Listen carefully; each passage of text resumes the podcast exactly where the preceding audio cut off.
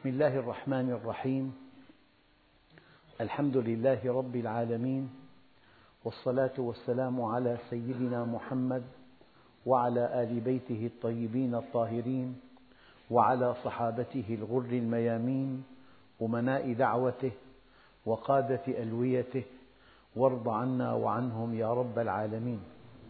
اللهم أخرجنا من ظلمات الجهل والوهم إلى أنوار المعرفة والعلم ومن وحول الشهوات إلى جنات القربات. أيها الإخوة الكرام مع الدرس الثاني من دروس سورة التوبة ولا زلنا في المقدمة. وتعلمون أن هذه السورة ليس فيها بسملة والبسملة يعني بسم الله الرحمن الرحيم. والحقيقة أن في القرآن الكريم مئة وأربع عشرة بسملة في القرآن كله. في السور التي وردت فيها البسملة هي 113 عدد توبة والتوبة ليس فيها بسملة ولكن وردت البسملة التي هي في الترتيب أو في العدد 114 في سورة النمل في سياق الآيات إنه من سليمان وإنه بسم الله الرحمن الرحيم. أولا البسملة مجمع عليها أنها آية من كتاب الله. ومجمع أيضا أنها آية من سورة الفاتحة. فبسم الله الرحمن الرحيم. رقمها واحد. الحمد لله رب العالمين رقمها اثنان. أما في كل سور القرآن الآية التي بعد البسملة رقمها واحد. إذا هي آية من كتاب الله. تابعة لسورة الفاتحة. بل هي فاصلة بين سورتين. بل هي فاصلة وإشارة إلى ابتداء السورة الثانية. ومعلوم أن ترتيب المصحف غير ترتيب النزول فالآيات نزلت بترتيب وقد جمعت في المصحف بترتيب آخر والترتيب ترتيب المصحف توقيفي أي من الله عز وجل. يعني الفاتحة مثلا نزلت بعد المدثر لكنها السورة الأولى في القرآن الكريم. أيها الإخوة الحقيقة أن هذه البسملة تحتاج إلى شرح كثير لأن البسملة يعني نشاط يومي من نشاطاتنا ولا بد من معرفة حقيقة هذه البسملة. فالله عز وجل حينما اصطفى سيدنا محمدا صلى الله عليه وسلم بهذه الرسالة وكان في غار حراء قال له جبريل اقرأ. قال ما أنا بقارئ. ما معنى اقرأ؟ يعني هناك نص تحفظه طلب منك أن تقرأه. أو هناك كتاب أمامك طلب منك أن تقرأ فيه. فالنبي الكريم أمي لا يقرأ ولا يكتب. وأميتنا جميعا تعد وصمة عار. لكن أمية النبي وحده تعد وسام شرف له. لأن وعاءه الثقافي لو فيه من ثقافات الأرض فكلما قال كلمة ينبغي أن يسأله أصحابه أن يا رسول الله هذا الكلام من عندك من ثقافتك أم من وحي السماء؟ فشاءت حكمة الله أن يكون الوعاء الثقافي للنبي عليه الصلاة والسلام خاليا من كل ثقافة أرضية وممتلئا بوحي الله عز وجل. لذلك قال تعالى وما ينطق عن الهوى إن هو إلا وحي يوحى. وما ينطق عن الهوى إن هو إلا وحي يوحى. إذا أمية النبي تعني أنه لم يتلقى ثقافة أرضية بل أن وعاءه الثقافي إن صح التعبير ممتلئ بوحي السماء. هذا يؤكده قوله تعالى وما ينطق عن الهوى إن هو إلا وحي يوحى. لذلك علماء العقيدة يقولون إن القرآن الكريم وحي متلو بينما السنة الشريفة الصحيحة وحي غير متلو. القرآن الكريم المعنى واللفظ من الله عز وجل والسنة الصحيحة المعنى من الله والصياغة من رسول الله وكان عليه الصلاة والسلام أفصح العرب إطلاقا. وهذا في حديثه الشريف. أنا أفصح العرب بيد أني من قريش. وقريش أفصح القبائل. وهذا الأسلوب البلاغي اسمه عند علماء البلاغة تأكيد المدح بما يشبه الذم.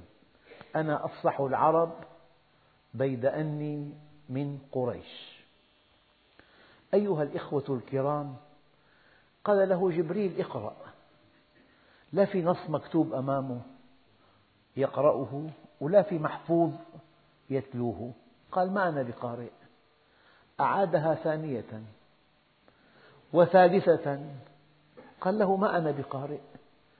ثم جاءت الآية الأولى في الوحي وحي السماء اقرأ.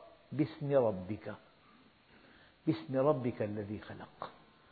أنت لست بقارئ ولكن إرادة الله طليقة. وهو على كل شيء قدير. فسوف تقرأ على البشر كلاما هو قمة العلم. قمة العلم. والآن يأتي إنسان يأخذ بعض الأحاديث ويشرحها. ينال عليها درجة الدكتوراه. يأخذ بعض الأحاديث ويشرحها وينال عليها درجة الدكتوراه. يا أيها الأمي حسبك رتبة في العلم أن دانت لك العلماء لأن الله عز وجل تولى تعليمه علمه شديد القوى. إخوتنا الأكارم كل إنسان خريج من جامعة يتباهى أنه أستاذ فلان. هناك في الجامعات أساتذة لامعون جدا متألقون جدا يعدون مراجع كبرى في العلم.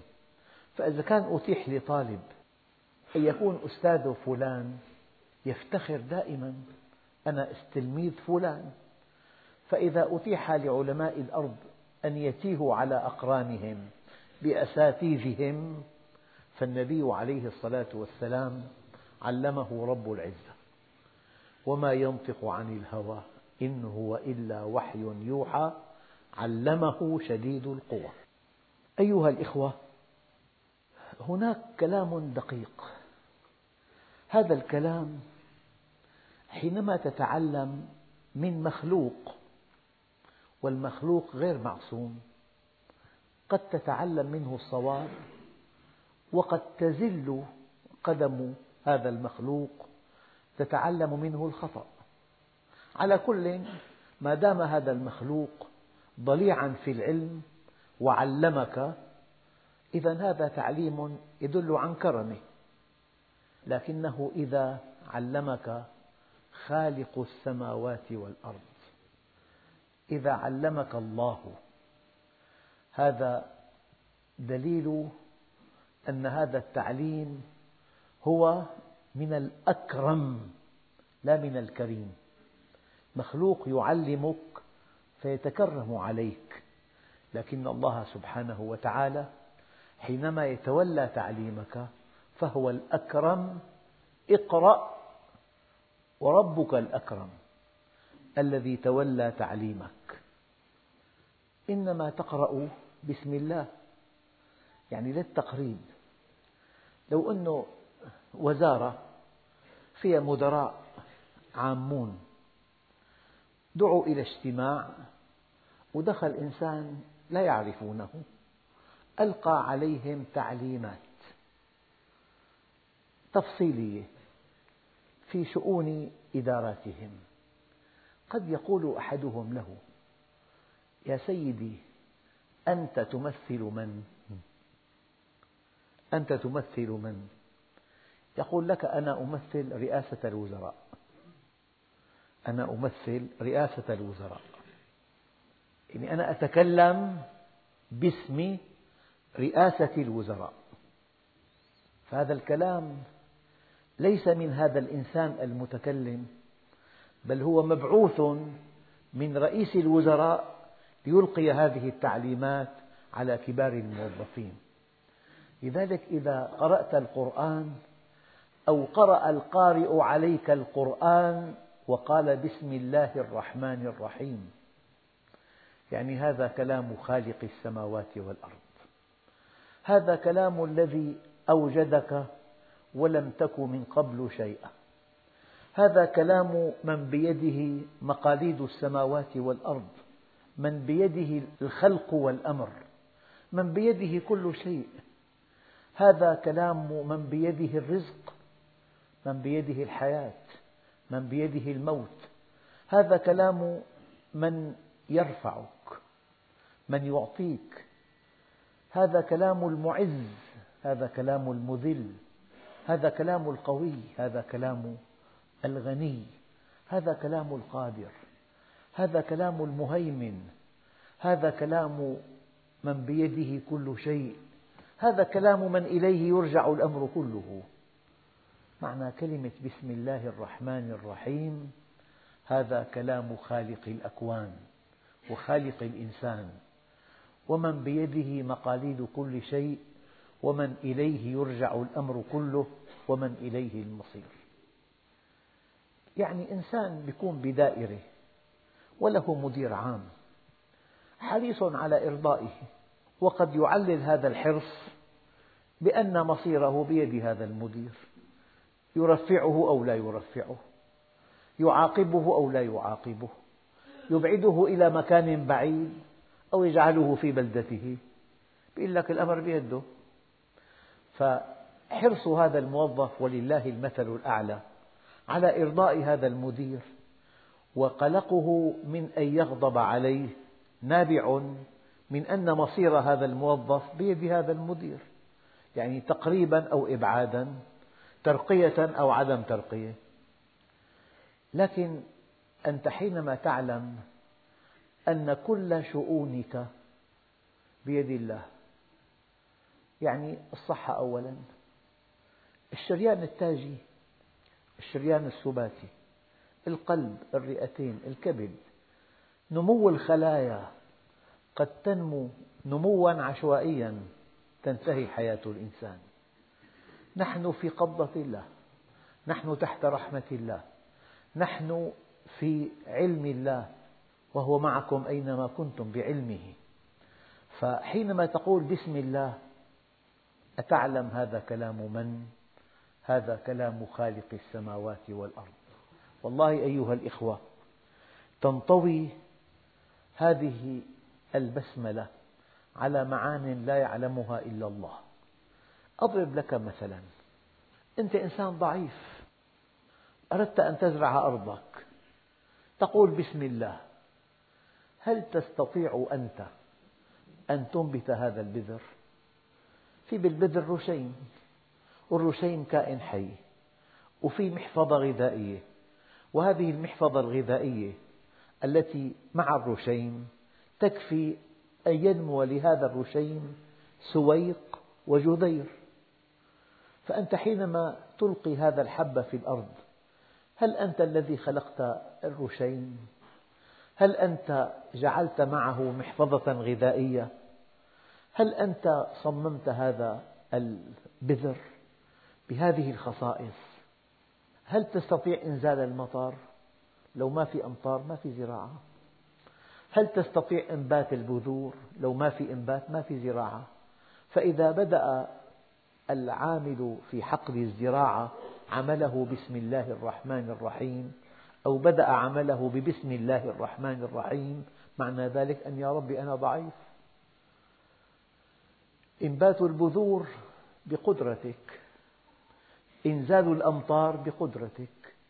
تفاعل هذه البذرة مع مواد الأرض مع المعادن مع الأسمدة بقدرتك.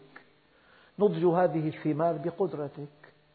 فأنت حينما تقول بسم الله الرحمن الرحيم تتذكر أن الله بيده كل شيء وأنك فقير إليه وأنه هو الغني وأنك لا تعلم وهو يعلم وأنك ضعيف وهو القوي وأنك جاهل وهو العليم. بسم الله الرحمن الرحيم. حينما يقدم طبيب جراح على إجراء عملية في المخ يعني أقل خطأ يموت المريض. الخطأ قد يكون بالميليمترات يموت المريض. فأنت حينما تعلم أن حياة هذا المريض بيد الله وأن توفيق هذا العمل الجراحي بيد الله وأن علمك بيد الله وأن قدرتك بيد الله. تقول بسم الله الرحمن الرحيم. يعني هذه البسملة أخواننا الكرام يجب أن تشير إلى أن كل شيء أمامك هو بيد الله وأن كل القوانين التي تسود الأرض هي قوانين الله عز وجل وأن كل خصائص المواد الله جل جلاله أودع هذه الخصائص في هذه المواد وأن كل حركة أو سكنة وأن كل عطاء أو منع أو رفعة أو انخفاض بيد الله عز وجل. لذلك تقول بسم الله الرحمن الرحيم إنما أمره إذا أراد شيئا أن يقول له كن فيكون. وعرفت الله من نقض العزائم وأتمنى من كل أعماقي أن يكون هذا الدرس بهذه الفكرة واضحا جدا لنا جميعا. يعني أنت حينما تقول الله حينما تتبرأ من حولك وقوتك حينما تتبرأ من خبرتك حينما تتبرأ من قدرتك من مالك من تعليمك من خبراتك يتولاك الله. وحينما تعتد بعلمك أو بقدرتك أو بمالك أو بحسبك أو بنسبك. يتخلى الله عنك. وهذا الدرس هو الدرس الذي لا نحتاجه في اليوم مرة. والله بل نحتاجه كل ساعة. لأن أصحاب النبي رضوان الله عليهم وهم قمم البشر. في معركة بدر افتقروا إلى الله. افتقروا إلى الله فانتصروا. هم هم. وفيهم سيد البشر في حنين اعتدوا بعددهم الكبير فتخلى الله عنهم.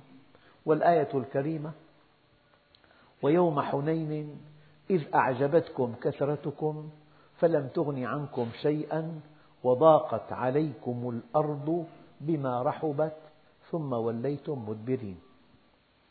أخواننا الكرام هذا معنى بسم الله الرحمن الرحيم. يعني أنا لا أتحرك بقدرتي أنا ضعيف. لكن هناك قوانين أودعها الله في الأشياء. فكل هذه القوانين تسهل لي الانتفاع مما في الأرض أنتفع مما في الأرض بسبب القوانين التي أودعها الله فيه. يعني مثلا غذائي يحتاج إلى لحم واللحم في الأنعام والأنعام مذللة. قال تعالى وذللناها لكم. أما الثعبان مثلا غير مذلل الذئب غير مذلل أما الأنعام مذللة. من جعلها مذللة؟ الله جل جلاله. فأنت حينما تذبح بقرة وتبيعها بسم الله لأن الله جعلها مذللة. لكنك لا تستطيع أن تواجه ذئبا مثلا مفترسا ما تست... غير مذللة. العقرب غير مذللة تخاف منه وهو صغير. الثعبان غير مذلل. الله عز وجل قال وذللناها لكم. فإذا قلت بسم الله أذبح هذه البقرة لولا أنها مذللة لما استطعت أن تذبحها. لجنت وجنوا البقر في بريطانيا. اضطروا أن يبيدوا 30 مليون بقرة. قيمتها 30 مليار جنيه استرليني. أطعموه طحين اللحم فجن البقر. وجنون البقر مرض خطير من جنون البشر. من جعلها مذللة؟ يعني أنت تحلب البقرة. لا تقتلك تحلبها. الجمل مذلل الفيل مذلل أما العقرب غير مذلل الثعبان غير مذلل تخاف منه. حينما تقرأ قوله تعالى وذللناها لكم يجب أن تذوب شكرا لله عز وجل. من جعل هذا الماء عذبا فراتا الله عز وجل. ولو كان ملحا أجاجا. يموت الناس على قارب نجاة في البحر عطشا. يموتون عطشا والبحر أربعة أخماس اليابسة وعمق البحر في بعض الأماكن 12 كيلومتر. يعني 12 ألف متر عمق. ويغطي أربعة أخماس الأرض وحينما تغرق الباخرة ويركب ركابها في قوارب النجاة وينفد الماء. يموتون عطشا وهم على سطح البحر. لأن هذا البحر ملح أجاج. والله جعل لنا ماء عذبا فراتا. فأنت تقول بسم الله باسم من جعله عذبا فراتا. هذا القمح الذي نأكله كل يوم من جعله غذاء نافعا كاملا؟ هل تعلم أيها الأخ الكريم ما معنى بسم الله؟ أنت حينما تشرب كأس الحليب هل تذكرت أن هذه البقرة مذللة؟ وأن هذه البقرة عندها غدة ثديية غدة ثديية يمر فوقها أوعية دموية كثيفة جدا. وأن هذه الغدة الثديية تأخذ من الدم ما تحتاجه ويتكون الحليب. ويرشح من هذه الغدة الثديية قطرات الحليب إلى ضرع البقرة. طيب من سخر هذا النظام؟ من خلق الغدة الثدية في البقر؟ من جعل هذه الغدة تختار ما تحتاج من الدم من بين فرث ودم لبنا سائغا للشاربين؟ الله جل جلاله لمجرد أن تشرب كأس الحليب يجب أن تتذكر أن هذه البقرة مذللة وأن أجهزتها دقيقة جدا. بل إن العلماء يقولون إن كل أربعمئة حجم من الدم تساوي حجم حليب واحد. يعني أربعمئة لتر من الدم تجري فوق الغدة الثدية ليصنع منها لتر حليب واحد. هل تعلم آلية هذه الأجهزة؟ تعقيد هذه الغدد؟ حتى تشرب حليبا يعد غذاء كاملا لك. غذاء كامل. كلنا في كل أعمارنا نأكل مشتقات الحليب لا نمل منه. اللبن والجبن والقشطة وما إلى ذلك. وذللناها لكم. معنى بسم الله. هل فكرت في البقرة؟ هل فكرت في من ذللها؟ هل فكرت في أنها تأكل أقل مما تنتج؟ لو أن ثمن طعامها أغلى من إنتاج حليبها ما أحد ربى بقرة. هل فكرت في هذه الدجاجة؟ تعطيك هذا البيض. معنى بسم الله الرحمن الرحيم. يعني أنت تأكل بقدرة الله بعلم الله بفضل الله برحمة الله. كلمة بسم الله الرحمن الرحيم كلمة كل دقيقة كل دقيقة. تركب هذه المركبة بسم الله. من أودع في البنزين القدرة الانفجارية؟ ضع صفيحة ماء في مستودع البنزين. هل تمشي السيارة؟ من أودع في البنزين القوة الانفجارية؟ وذللناها لكم. تركب الطائرة. من جعل قوانين الهواء تحمل طائرة وزنها 150 طن وزنها و150 ركاب وما إلى ذلك. طائرة 350 طن يحملها الهواء وتمشي بسرعات عالية وذللناها لكم. والخيل والبغال والحمير لتركبوها وزينة دقق ويخلق ما لا تعلمون. عزي خلق الطائرة في هذه الآية إلى الله عز وجل. من ألقى في عقول المخترعين هذه الفكرة؟ يعني إخواننا الكرام هي كلمة بسم الله بكل دقيقة. تكتب. من علمك أن تكتب؟ من جعل هذه العضلات؟ من جعل هذا التوافق بين عينيك وبين أفكارك؟ تلقي كلمة كل حرف يسهم في صنعه سبعة عشر عضلة. طيب كلمة خمس كلمات. سبعة عشر عضلة في كل حرف. الكلمة خمس حروف والجملة عشر كلمات والصفحة والكتاب. تلقي خطبة. من جعل هذه الأجهزة تتحرك؟ بسم الله. حينما تقول بسم الله تذكر قدرة الله. تذكر فضل الله. تذكر حكمة الله. تذكر علم الله. تذكر كرم الله تذكر لطف الله تذكر رعاية الله. أيها الإخوة امرأة تخبز على التنور وطفلها على طرف التنور. كلما وضعت رغيفا مسكت ابنها وضمته وشمته وقبلته هذه وردت في الآثار. نبي كريم قال يا رب ما هذه الرحمة؟ فقال الله له يا موسى هذه رحمتي أودعتها في قلب أمه وسأنزعها. فلما نزعت الرحمة من قلب الأم وبكى طفلها ألقته في التنور. انتهى الأمر. لا تصدق أن رحمة الآباء والأمهات بأولادهم إنما هي رحمة منهم.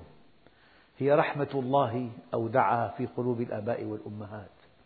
كلمة بسم الله يجب أن تتذكر فضل الله عطاء الله لطف الله رحمة الله علم الله غنى الله قدرة الله. هي معنى بسم الله الرحمن الرحيم قبل أن تأكل. هذه الفواكه من صممها؟ يعني التفاحة حجمها معتدل وقوامها معتدل وقشرها حاجز يمنع تلوثها وطعمها طيب. لو أنها مفيدة وطعمها مر. لو أن طعمها طيب وليست نافعة. لو أنها نافعة ومفيدة وقوامها صخري كالصخر.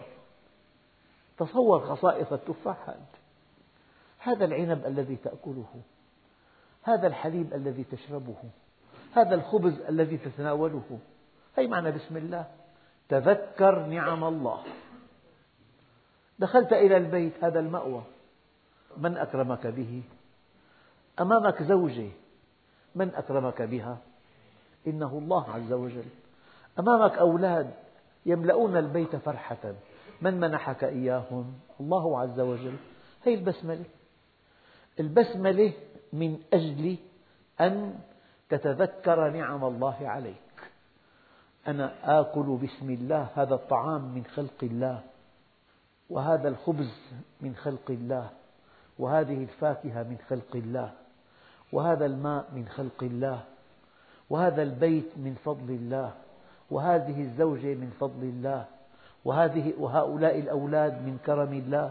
أي معنى بسم الله؟ يعني هذا باسم الله الذي خلق.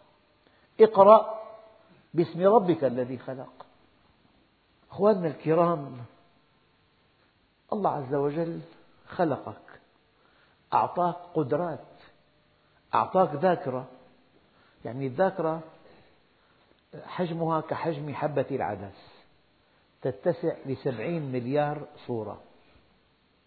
حجمها كحجم حبة العدس تتسع لسبعين مليار صورة.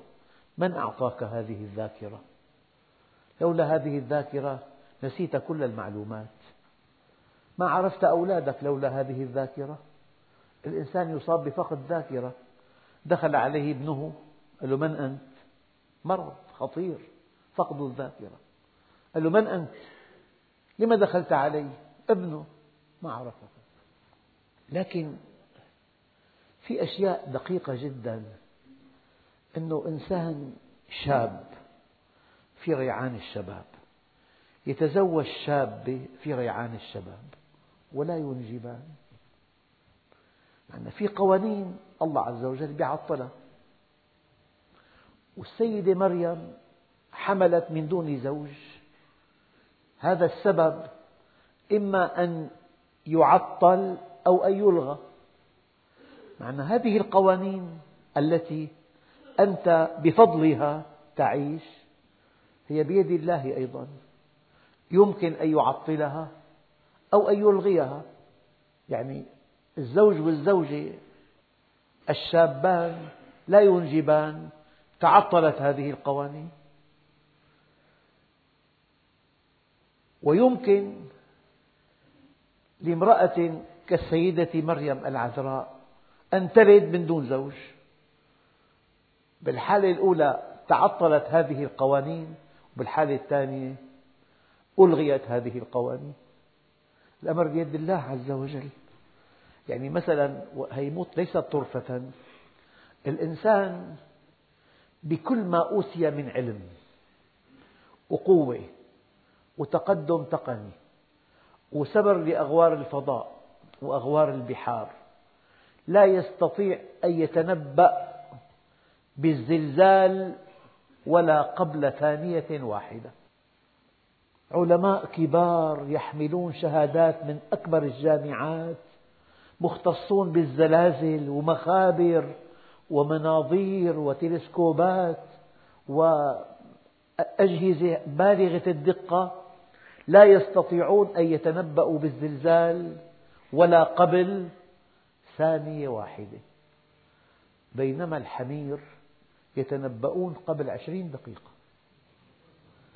وفي زلزال تسونامي في قرية نجت بأكملها لأنها قلدت الدواب. شعروا بالزلزال فانطلقوا إلى خارج المدينة. أهل البلدة تبعوهم فنجوا.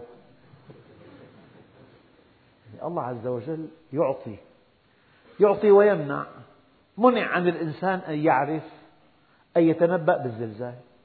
سمح للبهائم أن تتنبأ بالزلازل. قبل عشرين دقيقة يتنبأوا أخواننا الكرام يعطي بقدر ويمنع بقدر.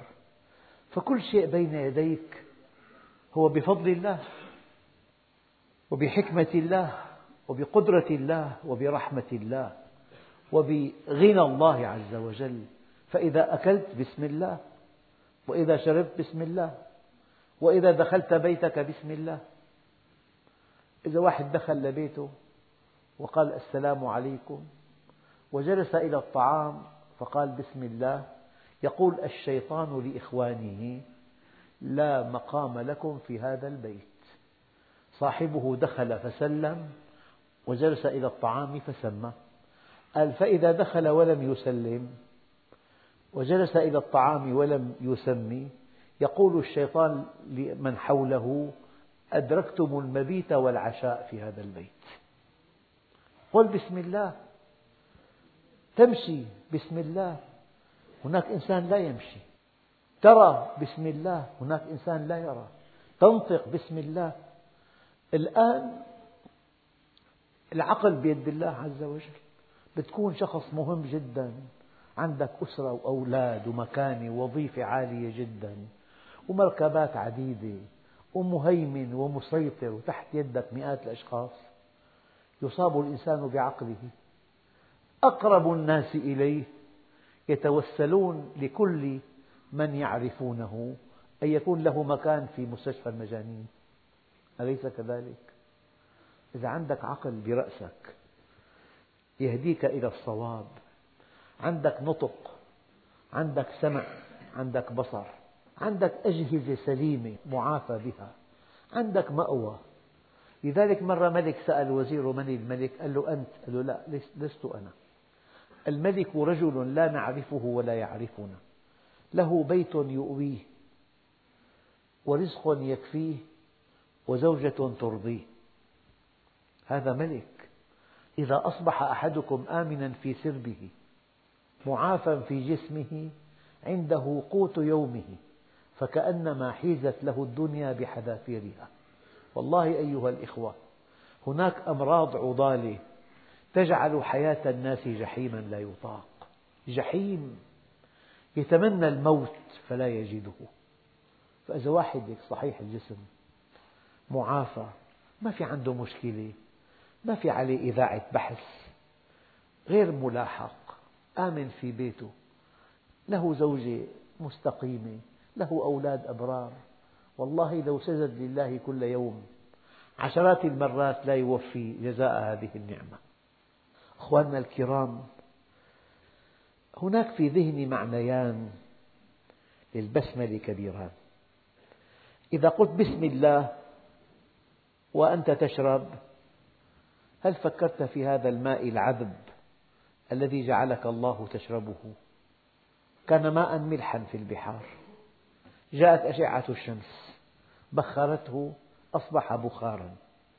ارتفع إلى السماء أصبح سحابا. بآلية بالغة التعقيد أصبح مطرا. هطل على رؤوس الجبال والسهول وسال في الينابيع وتفجر ماء عذبا زلالا هي معنى بسم الله. فكرت بهالنعمة هي. دخلت إلى بيتك فكرت بهالنعمة هي. مأوى البيت مأوى. تناولت الطعام فكرت بهالنعمة هي. في إنسان سيروم على طول بيشتهي يأكل أقل شيء ما في ممنوع يأكل. فإذا كنت تأكل ما تريد وساكن ببيت وعندك قوت يومك ولم تشكر, تشكر الله على هذه النعمة هذه مشكلة كبيرة جدا. هذا المعنى الأول للبسملة. المعنى الثاني هل تأكل وفق منهج الله؟ هل هذا الطعام حلال من كسب حلال؟ هل هذا اللقاء يرضي الله؟ هل هذه السفرة في مرضاة الله؟ هي معنى بسم الله يعني هو مرتان البسملة لها معنيان أن تذكرك بنعم الله وأن تذكرك بمنهج الله بالضبط أن تذكرك بنعم الله وأن تذكرك بمنهج الله. اصبر. هل عندكم طعام؟ قالوا لا. قال فإني صائم. دخلت البيت. هل تتعامل مع الزوجة كما وجه النبي الكريم؟ هي بسم الله. تناولت الطعام؟ هل تأكله وفق منهج الله؟ البسملة تعني أن تذكر فضل الله وأن تتحرك وفق منهج الله والحمد لله رب العالمين.